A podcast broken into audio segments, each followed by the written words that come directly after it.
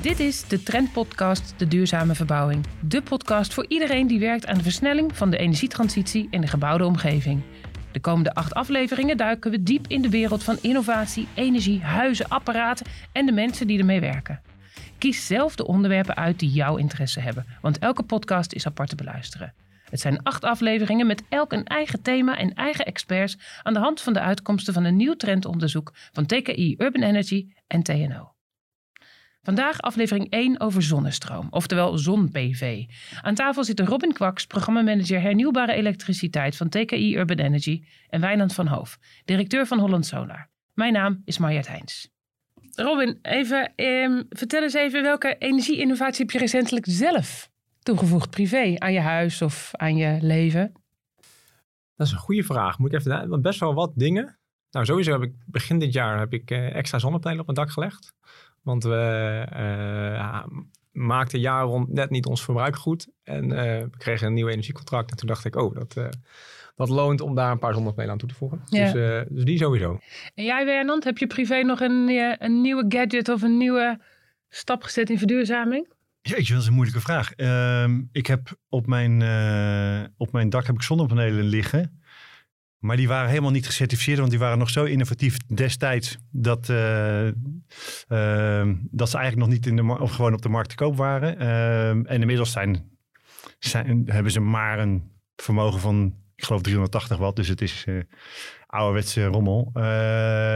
Nee, en misschien de meest recente innovatie die ik heb toegevoegd is een elektrische auto. En dan zeg je van, maar is dat een innovatie dan? Ja, volgens mij wel, want daar gaan we uiteindelijk ontzettend veel plezier voor onze zonne- zonne-energie van eh, gaan eh, beleven, denk ik. Ja, dus en de nieuwe, en nieuwe panelen en een auto. Dan heb Nou, je die, die panelen zijn niet zo nieuw, eh, maar die auto wel. Dankjewel.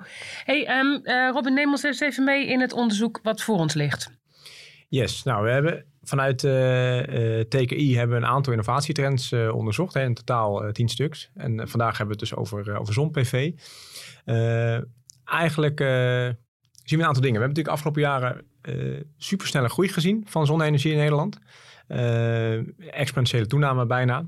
14,4 gigawatt GWP, hè? Gigawatt piek. Ja, En dan, wat was het? 11 eh, kilowattuur groene stroom per jaar. Terawattuur Terawattuur. eh, groene stroom per jaar. Eh, alle getallen. Ja, ja. Nee, dus, dus 10% die- die- van de elektriciteitsopwekking. ja, dat, ja. Die, die, die heb ik wel. En die 14,4 die is zelfs van vorig jaar. Dus we Die is zijn al, alweer een jaar verder. Dus we zitten nu alweer dik over de 18. Ja. Eh, volgens mij eh, ga je al gauw richting de 15, 20 procent eh, stroom uit zonnepanelen eh, voor heel Nederland. Ja. Eh, dus enerzijds hè, kan je afvragen, oké, eh, het is echt al best wel mainstream aan het worden.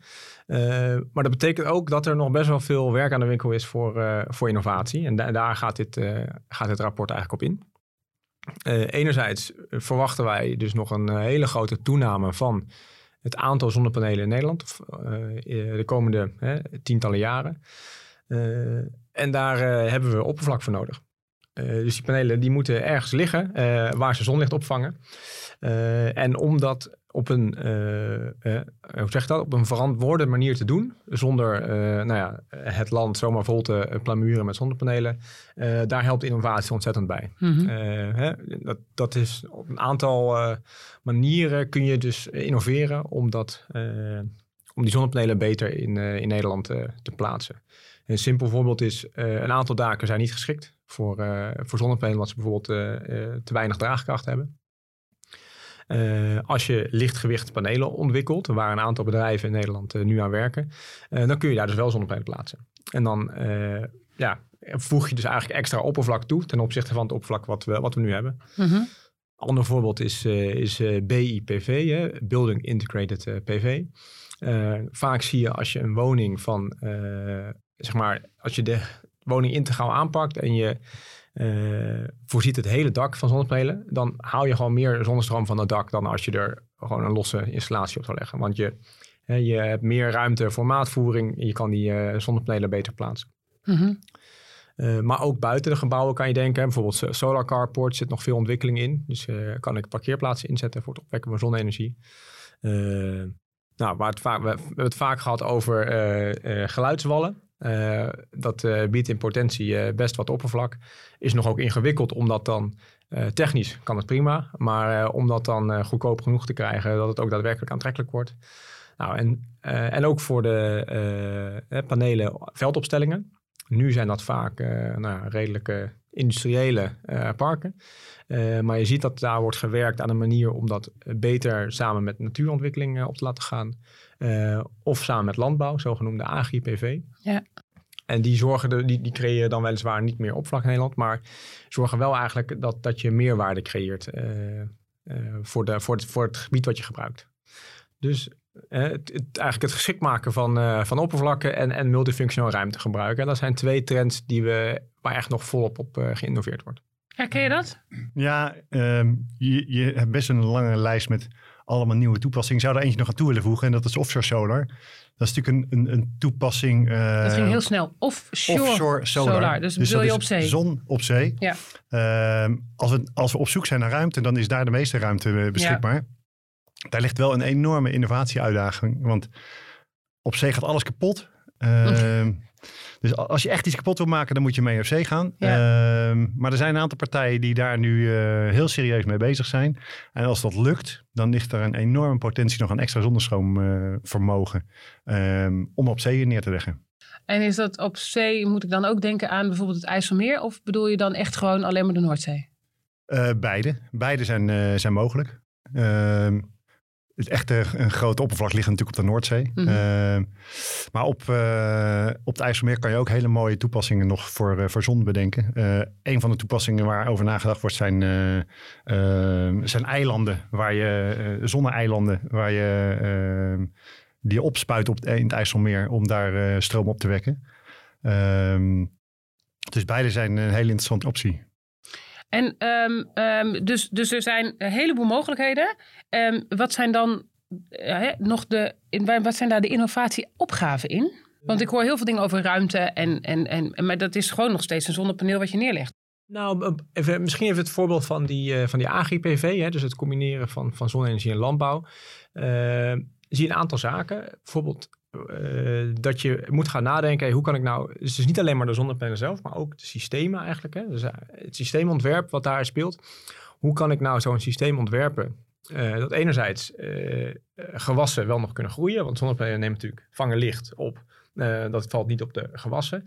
Dus je moet daar een, een goede verhouding van zeg maar, de bedekking door zonnepanelen en, en de ruimte voor het gewas hebben daar wordt veel naar onderzocht. Hè? Dus hoe, hoe kan je dat nou uh, uh, combineren? Bijvoorbeeld een bekende pilot is, uh, is dat zonnepanelen boven zacht fruit worden geïnstalleerd. Mm -hmm. je ziet dat daar heb je allerlei voordelen, want dat zacht fruit moet sowieso beschermd worden tegen bijvoorbeeld hagel. Dus vroeger zat er dan plastic overheen. en eigenlijk is dat plastic dus vervangen voor, voor zonnepanelen. Uh, wat je daar uh, ziet is dat je dus ook uh, gaat, moet gaan kijken hoe kan ik dan mijn landbouwbewerkingen, ja, dus de voertuigen die langs moeten, hoe kan ik dat nou zo doen? dat, dat ik wel nog dat zonnestroomsysteem, dat dat niet in de weg zit voor die, voor die voertuigen. Dus je ziet er wordt veel geïnnoveerd op het gebied van verplaatsbare systemen. Dus en, ja, je wil eigenlijk zo min mogelijk bewegende delen in zo'n zonnestroominstallatie, want alles wat beweegt kan kapot kan gaan. Kapot, ja. Uh, maar ik, het vermoeden is wel dat we in ieder geval naar systemen gaan uh, met uh, eigenlijk dat zogenoemde enkelassige trackers. dus panelen die eigenlijk om hun as kunnen draaien in een lange rij. die je bijvoorbeeld kan kantelen, zodat je dus veel meer ruimte creëert om daar tussendoor te rijden. Ja. En, en, en ook omhoog zouden kunnen zetten, bijvoorbeeld als het ja. gewas groeit. Ja, kan ik me precies. voorstellen. Ja. Uh, en dan zie je dat het, als je dat naar dat soort systemen toe gaat, dan wordt het ook uh, interessant om uh, bifaciale panelen te gebruiken. Dat zijn eigenlijk panelen die voor, voor wie het niet echt uitmaakt aan welke kant het zonlicht valt. dus dan heb je aan twee kanten. maar dat klinkt wel allemaal duurder. dat klopt. Nee, dus dus de investeringen per watt piek bijvoorbeeld zullen hoger zijn. Maar als je dus naar tracking gaat, plus bifaciale panelen, dan, dan wek je ook meer zonnestroom op. Plus je wekt het ook nog eens op op tijden dat, dat je een betere prijs voor die zonnestroom krijgt. dus, dat, is nou, dat, dat wordt nou precies onderzocht. Uh, hoe kan ik nou tot een systeem komen wat voldoet aan die eisen om het te combineren met landbouw, waar ik ook nog een rendabele business case voor heb. Ja, dus het is een beetje hetzelfde als wat jij net vertelde, Wijnand, over die, over, die, over die zon op zee. Je bent het aan het integreren in een andere omgeving. En daarvoor moet je van alles nog weer aan, uh, aan, uh, aan aanpassing aan, het, uh, aan de techniek maken, eigenlijk. Toch? En aan de business case. Ja, en wat je zegt klopt natuurlijk. Het wordt altijd duurder. Um, maar laat ik iedereen uit de droom helpen. De tijd dat wij een zonnestroomsysteem neerleggen, stekker in stopcontact en wegrennen, die is voorbij. Die is voorbij. We zullen vanaf nu zullen we op zoek moeten naar nieuwe businessmodellen. Waarbij wij uh, stroom produceren uit duurzame bronnen. En die stroom gaan leveren in een vorm. Of eigenlijk de energie gaan leveren in een vorm die op dat moment gevraagd wordt. En we zijn daarbij, bedoel je de sector? En we zijn daarbij de sector. Ja. Uh, dus we zullen stroom moeten gaan leveren op het moment dat het gevraagd wordt. We zullen waterstof moeten leveren als het gevraagd wordt. We zullen warmte moeten leveren als het gevraagd wordt. En we zullen op het moment dat het opgewekt wordt en niet gevraagd wordt, zullen we moeten opslaan of moeten converteren naar een andere vorm. En dat is duurder, maar dat is de enige manier om überhaupt uh, de doelstelling van het klimaatakkoord te kunnen halen. Om in 2050 echt uh, een CO2-neutrale energiesysteem te hebben in Nederland. Hoeveel procent moeten we uh, uit zonnestroom tegen die tijd? Ongeveer? Waar koers je op? Hij moet, nou, laat ik zo zeggen. We zeggen dat die 100% duurzaam moet zijn. Jawel, maar dat, is niet alleen maar zon natuurlijk. En dat betekent, je hebt eigenlijk maar twee echt duurzame bronnen. En dat is zon en wind. Mm -hmm. Dus uh, als je vanuit dat uitgangspunt redeneert, dan zou je ongeveer de helft zon en de helft wind moeten hebben. Nou, waarschijnlijk zal dat twee derde, een derde zijn. Uh, maar over die uh, aantallen praat je. Ja. En um, uh, ga, dus dan ben je aan de ene kant bezig om als sector hè, meer in te spelen op die flexibiliteit in de vraag en, en op alles wat en die integratie waar je het nu aan over hebt. Aan de andere kant kan ik me ook voorstellen dat zeker voor de uitrol in meer de, ja, de gewone huishoudens een soort uh, plug-and-play zonne, zonnepaneel bij de Aldi kan komen te liggen. Zijn we daar al? Dat het massaproductie wordt, dat ik dat als het ware net zoals ik mijn televisie aansluit, straks een zonnepaneel kan aansluiten? Nou, daar zijn we niet. En gelukkig zijn we daar nog niet. Uh, want het is, zonnestroominstallateur is een vak. Uh, en als iedereen denkt dat hij zomaar een zonnepaneel op zijn dak kan schroeven en, uh, en ook elektro elektrotechnisch in de meterkast kan aansluiten, dan gaan we denk ik de verkeerde kant op. Want het is echt een vak. Dat moet echt veilig en goed gebeuren. Uh, dus daar zullen we voorlopig niet naartoe gaan wat mij betreft. Ja, maar ik denk wel als je kan welke ontwikkelingen we wel naartoe gaan, dat het uh, net zo normaal wordt als bijvoorbeeld de cv-monteur. Die gewoon uh, jaarlijks een cv onderhoudt en als die einde levensduur is, dan, dan brengt hij nieuwe. Dus dat zijn, en daar denken mensen minder over na. Ja. Misschien is cv niet het beste voorbeeld, want we zitten natuurlijk midden in de energietransitie, dus iedereen zit ook na te denken. Ja, maar wel dat je een, een, een maar, monteur hebt die, die, ja. die, die ja. op een of andere manier je warmtesysteem in je huis onderhoudt. Oké, okay, dus dan heb ik straks ook een, een, een, een zonnepanelen uh, onderhoudscontract op, of een monteur die bij mij langskomt. Um, haal je daarmee de massaproductie die je nodig hebt? Gewoon op de particuliere markt? Het is een goede vraag. Nou, als je kijkt naar waar die zonnepanelen gaan uh, komen, dan zie je dat die uh, woonhuizen wel echt veel potentieel bieden.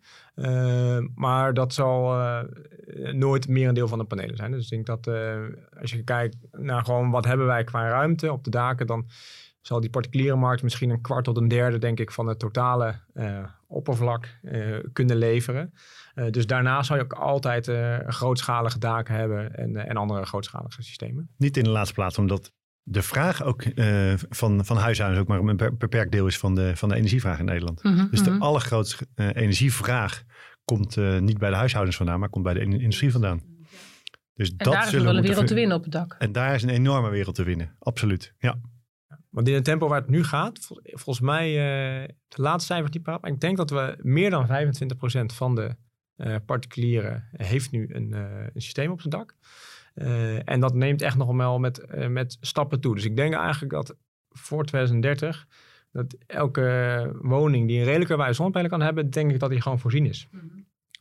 En hoe gaan we dan die meters maken in de industrie? Nou, enerzijds uh, groeit ook zon op grote daken heel snel. Afgelopen jaren sneller groei gezien. Ik denk, wat Wijnald net al aangaf, ja, daar moet toch echt gezocht worden naar een, een geïntegreerd product. Want zomaar panelen op daken leggen. Uh, dat is technisch prima mogelijk. Uh, alleen uh, je zit dan met hoe gaan we die energie vervolgens gebruiken. en nou ja, daar zie je nu wel hele snelle ontwikkeling in, in allerlei proposities.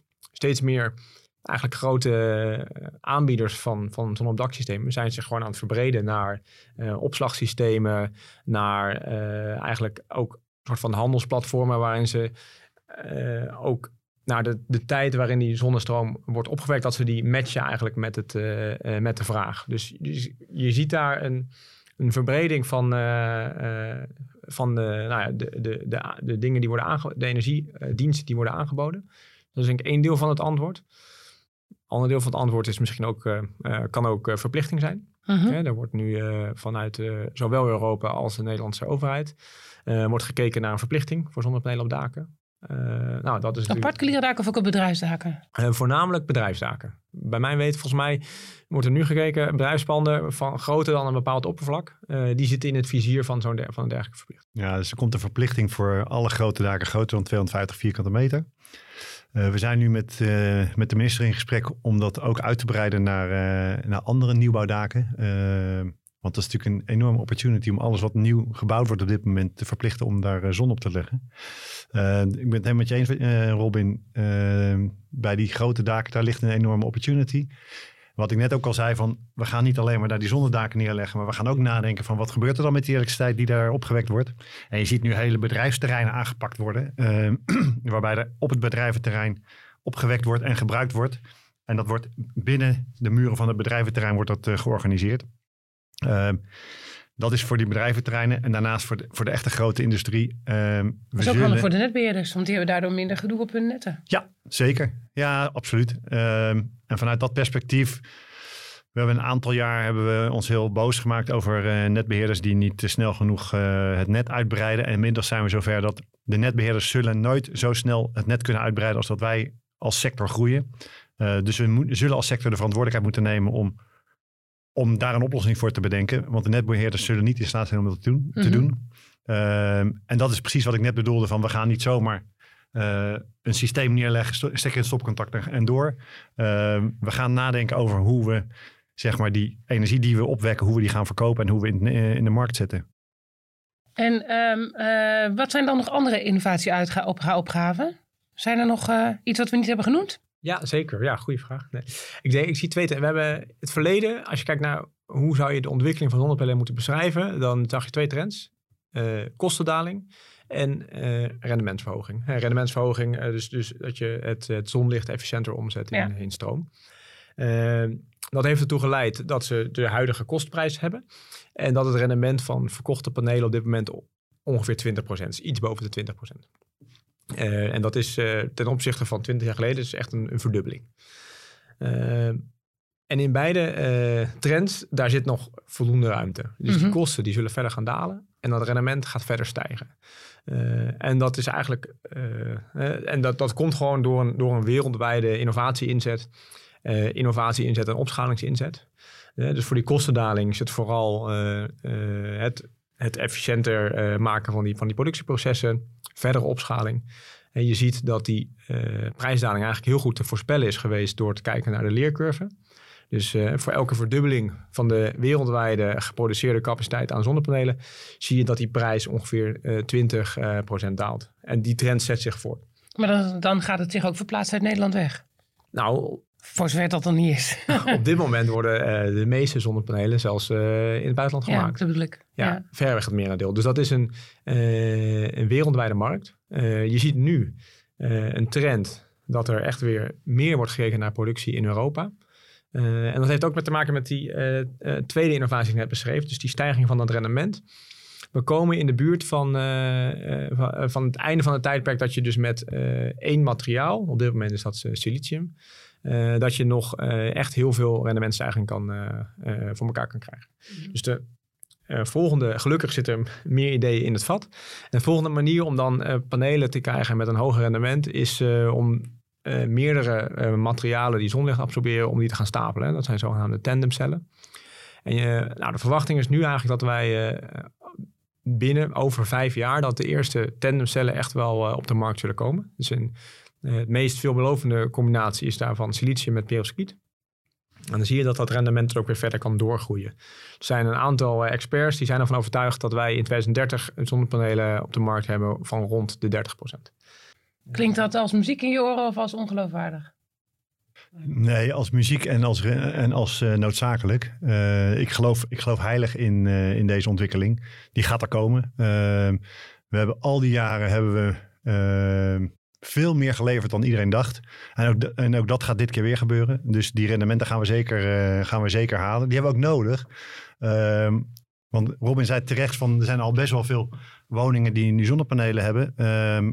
maar die woningen gaan niet groter worden. En als, als het verbruik wel toeneemt, dan zullen we op, op hetzelfde oppervlak zullen dus meer moeten gaan opwekken. Vanwege de toename van elektrische apparaten en dat soort dingen. Uh, oh, jouw elektrische auto. Mijn elektrische auto, die had ik niet voor niks gekocht. Nee, maar we gaan elektrificeren. Uh, we gaan ons huis ook elektrisch verwarmen. We gaan, uh, we gaan veel meer elektriciteit gebruiken. Dus de, het energieverbruik, dat zal misschien niet eens zo heel, hard toenemen. Maar het elektriciteitsverbruik wel, want het, het verschuift heel erg naar elektriciteitsverbruik. Ja ja. Uh, dus dat gaan we echt nodig hebben. Ik, ik zou nog een derde willen toevoegen aan, uh, aan die drivers. Je hebt, je hebt kosten en je hebt rendement. En de derde die ik eraan toe zou willen voegen is het gebruik van materialen. Ja. Uh, er wordt nu een enorme hoeveelheid zonnepanelen wordt er in Nederland geïnstalleerd. Ehm, en die gaan een keer einde levensduur uh, bereiken. En wat gaan we dan met al die materialen doen? Dus we zijn ook nu uh, aan het kijken, uh, als we dat goed kunnen recyclen, uh, goed kunnen hergebruiken die materialen. Dat betekent dat we dus minder afhankelijk worden van, ehm, van materiaalbronnen in de wereld. Eh, omdat we het materiaal al dicht bij huis hebben. Ja. Ehm, en dat gaat ons heel erg helpen om in de toekomst te kunnen blijven groeien of te, te kunnen blijven eh, produceren. Is het net zo moeilijk als de wieken van een windmolen? De recycling van oude zonnepanelen? Ik heb in mijn leven nog niet zo heel veel wieken van windmolens uh, gerecycled. Ja, mij wordt al dat dat een hele moeilijke is om te recyclen. Ja, op zich is het recyclen van, uh, van zonnepanelen, uh, daar ben ik ook erg positief over. Ehm, maar we weten het nog niet. En dat is hetzelfde met, uh, met de 30% rendement.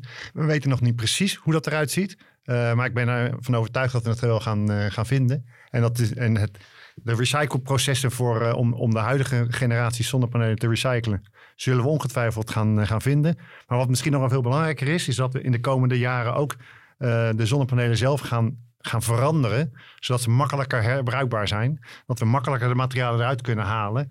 Dat, dat ze minder schaarse materialen bevatten. Uh, dus de panelen zullen vanuit dat perspectief ook gaan veranderen. Oh, dat gezegd hebbende, dat is ook een enorme opportunity voor, uh, voor de maakindustrie in, in Europa. Uh, want er gaan dus hele andere panelen gemaakt worden de komende jaren. En dat is een, een manier om, als je toch een fabrieken wil opzetten, uh, is dit het moment om dat te doen. Want je kunt jezelf onderscheiden ten opzichte van de massaproductie uit andere delen van de wereld waar dat niet mee gebeurt. Zo bedoel je het? Ik maak me zorgen over geopolitieke spanningen. Ja. Um, en op dit moment zijn we als sector volledig afhankelijk van China als producent van zonnepanelen. Um, om die geopolitieke spanningen niet nog minder, meer onder druk te zetten, uh, is het noodzakelijk dat die productie van zonnepanelen beter verdeeld wordt over de wereld, onder andere in Europa. Uh, maar als je hetzelfde gaat produceren als wat die Chinezen nu al produceren, dan is het lastig om, ze, om daarmee te concurreren. En dus moet je iets nieuws gaan produceren. En daarmee kan je een, uh, een positie opbouwen die veel makkelijker is dan hetzelfde produceren als wat je concurrent nu al doet. En, maar ze zijn daar niet ook bezig met circulaire zonnepanelen? Minder omdat in de westerse wereld zijn, nou, laat, laat, ik het zo zeggen, zulke soort eisen worden er vooral uit de westerse wereld eh, gedreven. Uh, dus juist vanuit, vanuit Europa komt er wetgeving, kom, komen er wensen en eisen om circulaire panelen te, te kunnen kopen. Uh, en als we die dan ook dicht bij huis kunnen produceren, dan geeft dat een versnelling. Um, Robin, als ik kijk naar het onderzoek, wie, wie zijn er nu? Um, dus er zit heel veel, uh, heel veel kansen in, er zit veel hoop in. Van, van, uh, van we gaan hopelijk naar die 30% toe, we gaan naar circulariteit toe. Wie, wie moet daarmee aan de slag? Ik bedoel, de Wijnand geeft al aan, de sector, uh, we doen niet meer stekken erin en we lopen weg. Maar, maar er zijn veel meer spelers actief in dit veld. Ja, ja, ja, nou het eerste wat in mijn hoofd opkomt is beleidsmakers. Dus uh, dit, dit, dit, deze trend die geeft een, een mogelijk scenario of een, vrij robuust scenario over hoe uh, zonne-energie zich gaat ontwikkelen. De komende, uh, zich heeft ontwikkeld en zich gaat ontwikkelen de komende jaren. En dat is dus zinvol om daar met, beleid op in te spelen. Dus enerzijds wetende dat het rendement gaat toenemen in de toekomst betekent dus ook dat je met eenzelfde hoeveelheid oppervlak dus meer energie kan opwekken. Dus daar moet je, het is verstandig om daar in je uh, plannen rekening mee te houden. Hè? Dus als je zegt, nou ik wil dat op, ik zie dat op dit bedrijfterrein heb ik zoveel energie nodig.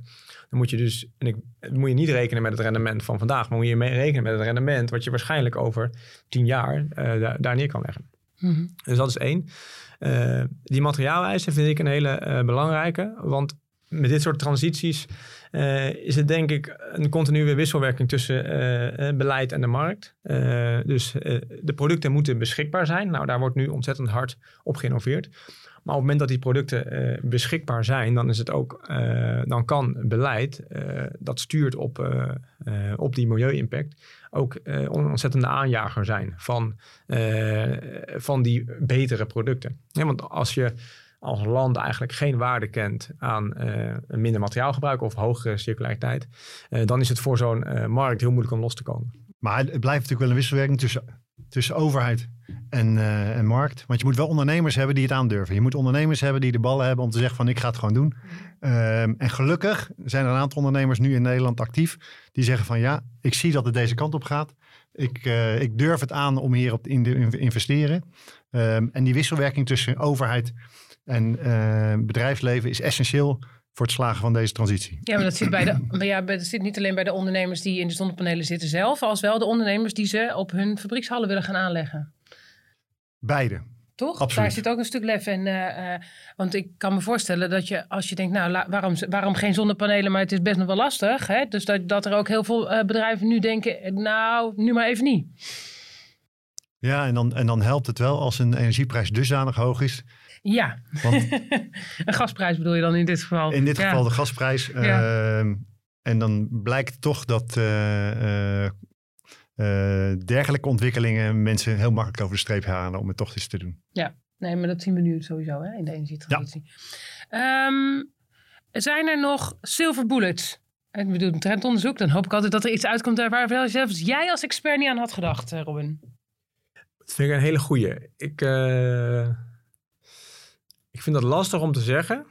Uh, het, uh, uh, als er één is die, mijzelf bijblijft, dan kom ik weer even op die technologieontwikkelingen. Dus die, sprong naar, naar tandemzonnecellen.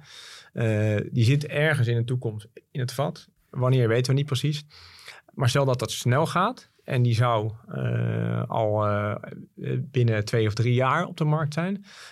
dat is sneller dan ze verwachten. dan krijg je wel een hele interessante situatie.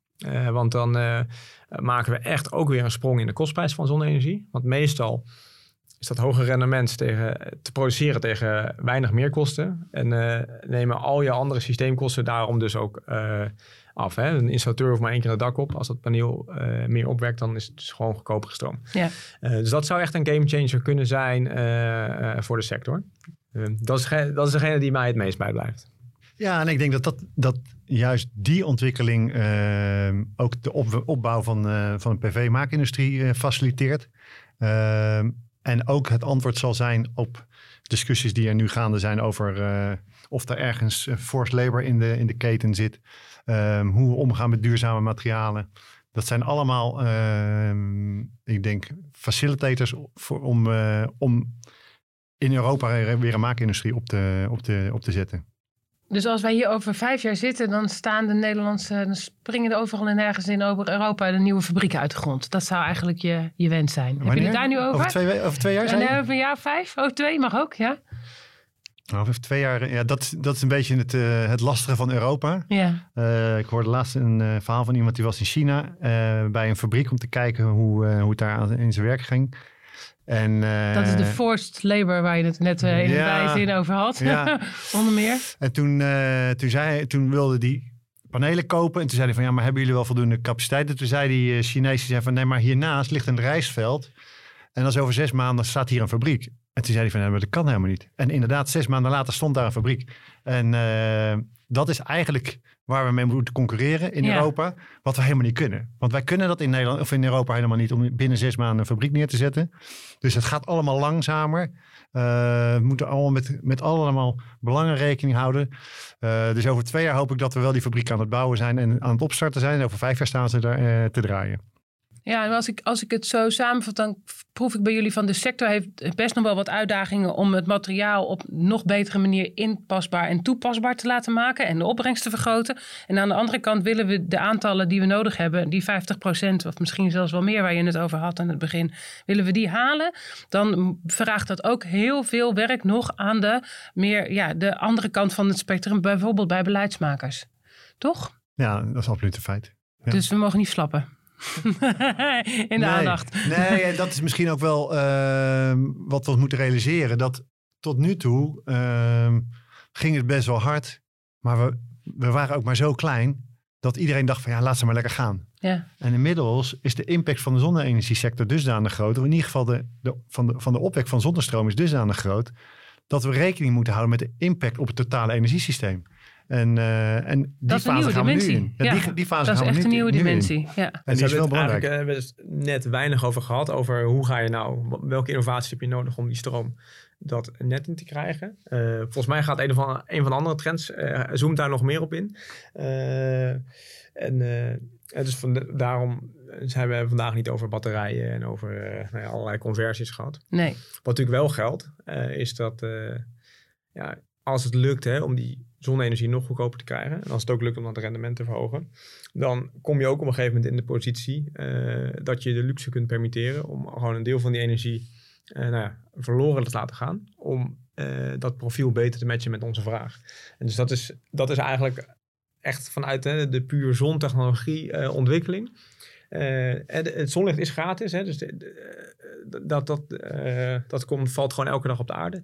Dus ja, hoe goedkoper en hoe efficiënter je dat kunt omzetten in stroom, hoe, makkelijker het ook wordt om dat ja, in het energiesysteem in te passen. Ja, maar die, die kant gaan we ontegenzeggelijk op. Dat we gaan kwartelen, dat we gewoon stroom gaan weggooien op, op mooie zonnige dagen. Om voldoende capaciteit te hebben om in de winter ook daadwerkelijk genoeg stroom op te wekken. Daar gaan we naartoe. Maar daar hadden we nooit, hadden we nooit last van, want we waren zo klein. Ja, Nee, het, het, maakt me bijna verdrietig stroom weggooien. nee, het is wel grappig dat je dat zegt, want je ziet dat daar heel veel weerstand tegen is. is van een natuurlijke weerstand, hè, maar dat is duurzame energie. Die moeten we uh, zo goed mogelijk gebruiken. Ja. Uh, maar uiteindelijk, als het goedkoper is, om, goedkoper en duurzamer is hè, qua materiaalgebruik, om uh, iets meer zonnepanelen neer te leggen, dan omdat om die uh, stroom op lastige momenten met een batterij, hè, die kost geld en dat heeft ook milieu-impact. Uh, om die dan later weer in het net in te voeden. Ja, waarom zou je dan voor die batterij kiezen als je gewoon iets meer zonnepanelen neer kan leggen? Dus dan, die, afweging, die zullen we de komende jaren uh, ga, ja, uh, steeds meer. Ja, zolang er nog kolencentrales draaien. Weet ik niet hoor. Eens, dus tot die tijd zal je het moeten gaan converteren naar iets anders. Want, uh, ja, dat, dat voelt bij mij wel tegenstrijdig. Maar ik snap, ik snap, de, reden, moment, ik snap de theoretische er komt een moment dat we gewoon, erachter. dat we zeg maar op een winterse dag uh, zoveel opwekken. Dat, ja, dat op een zomerse dag je zoveel meer opwekt. Dat je het er gewoon weggooit, omdat je ja. het niet nodig hebt. Maar er is, er is een overschot aan energie op de wereld. Dat is natuurlijk wel even wat, wat we ons moeten realiseren. We hebben echt, we hebben echt geen tekort aan energie op onze, op onze aardbol. We hebben wel een tekort op bepaalde momenten. Nou, dat vind ik een mooie afsluiter. Dankjewel. Dit was aflevering 1 van de Trendpodcast De Duurzame Verbouwing. Wil je meer weten over dit onderwerp of over alle andere onderwerpen in het onderzoek? Ga dan naar tki-urbanenergy.nl voor het hele trendrapport en alle samenvattingen. Um, de volgende keer duiken we in de wereld van industrialisatie van renovatieconcepten. Oftewel de loopband op de bouwplaats. Dankjewel voor het luisteren.